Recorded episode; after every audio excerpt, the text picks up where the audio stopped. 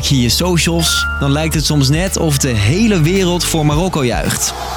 Nou ja, de hele wereld is overdreven, maar het zijn lang niet alleen Marokkanen zelf die de prestaties op het WK voetbal vieren. Ja, het is hier voor deze regio eigenlijk bijna een Arabisch sprookje. En tuurlijk, Marokko doet het beter dan ooit op zo'n groot toernooi, maar er zit meer achter al dit gejuich. Ik ben Steve en in deze podcast leg ik je uit waarom het Marokkaanse WK-succes niet alleen voetbalsucces is. Lang verhaal kort. Een podcast van NOS op 3 en 3FM.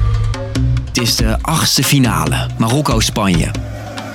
Als deze penalty erin gaat, dan is het Marokkaanse elftal door naar de volgende ronde. Ja hoor, die zit! En nee, dit is niet een voetbalkantine in Marokko. Je hoort supporters in Nigeria, duizenden kilometers verderop.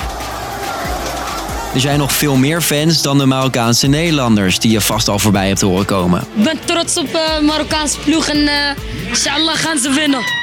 Ook in andere Afrikaanse en Arabische landen is het feest groot. Zoals Jordanië, Libië en Senegal.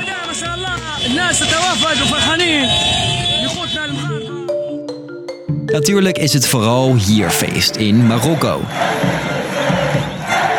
Ik zeg je eerlijk, ik woon al, al vijf jaar in Marokko en ik heb de Marokkanen nog nooit zo happy zien zijn. Zegt correspondent Samira Shadir. Want kijk, naast dat Marokko het eerste Afrikaanse land is dat het zo ver schopt op een WK, is het ook een geschiedeniskwestie. Van de afgezette sultan hebben in Frans-Marokko een zeer gespannen toestand doen ontstaan. Marokko was tientallen jaren lang een protectoraat van Frankrijk, zegt Samira. En dat betekent dat Frankrijk tussen 1912 en 1956 het officieel voor het zeggen had in Marokko. Daarna werd het land onafhankelijk.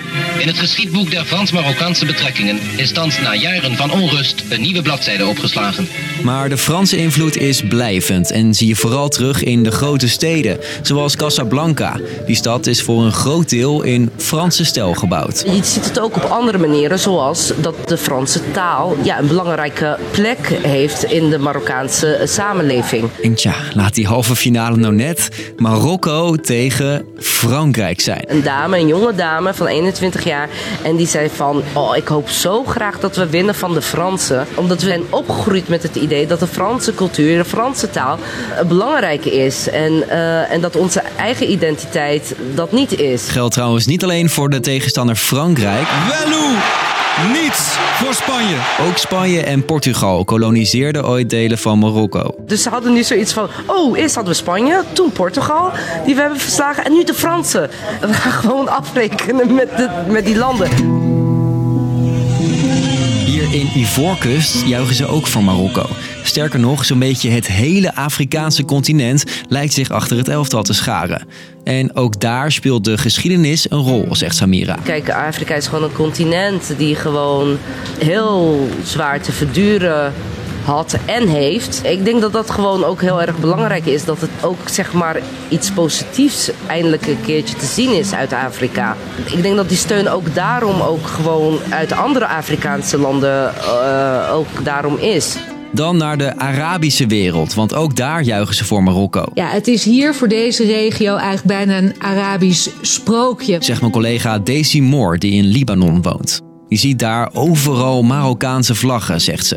Bijna de hele regio steunt het Marokkaanse team. Dat doen ze hier vaker, hè? dat ze uh, eigenlijk een land adopteren waar ze dan volledig uh, voor gaan. Dus vaak is dat Duitsland, Brazilië, um, soms ook Nederland of Argentinië. Nu gaan ze voor een land dat veel dichter bij de regio staat. Nou, het voelt wel anders natuurlijk voor uh, veel mensen. Hè? Het is een soort pan-Arabische trots. En ja, dat verenigt die landen die normaal heus niet altijd even goed met elkaar kunnen opschieten. Er speelt nog iets mee, de Palestijnse vlag. Daarmee was het Marokkaanse team dit WK ook te zien.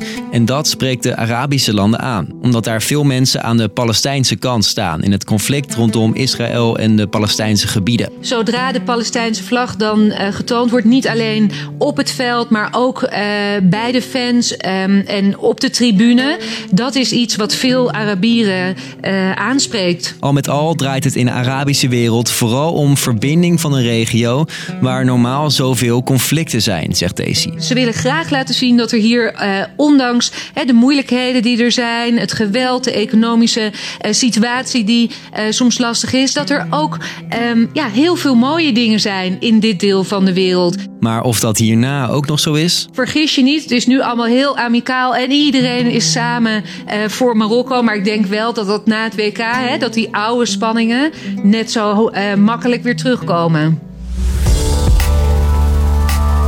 Dus, lang verhaal kort. Dat er zoveel landen voor Marokko juichen heeft niet alleen te maken met de sportieve prestatie, maar ook de geschiedenis. Het land won van landen die vroeger Marokko en andere Afrikaanse landen onderdrukten.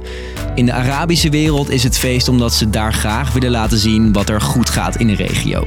Dit was de podcast voor vandaag. Hopelijk sta jij morgen weer rond 5 uur middags te juichen, want dan is er weer een nieuwe Lang Verhaal Kort. Tot dan!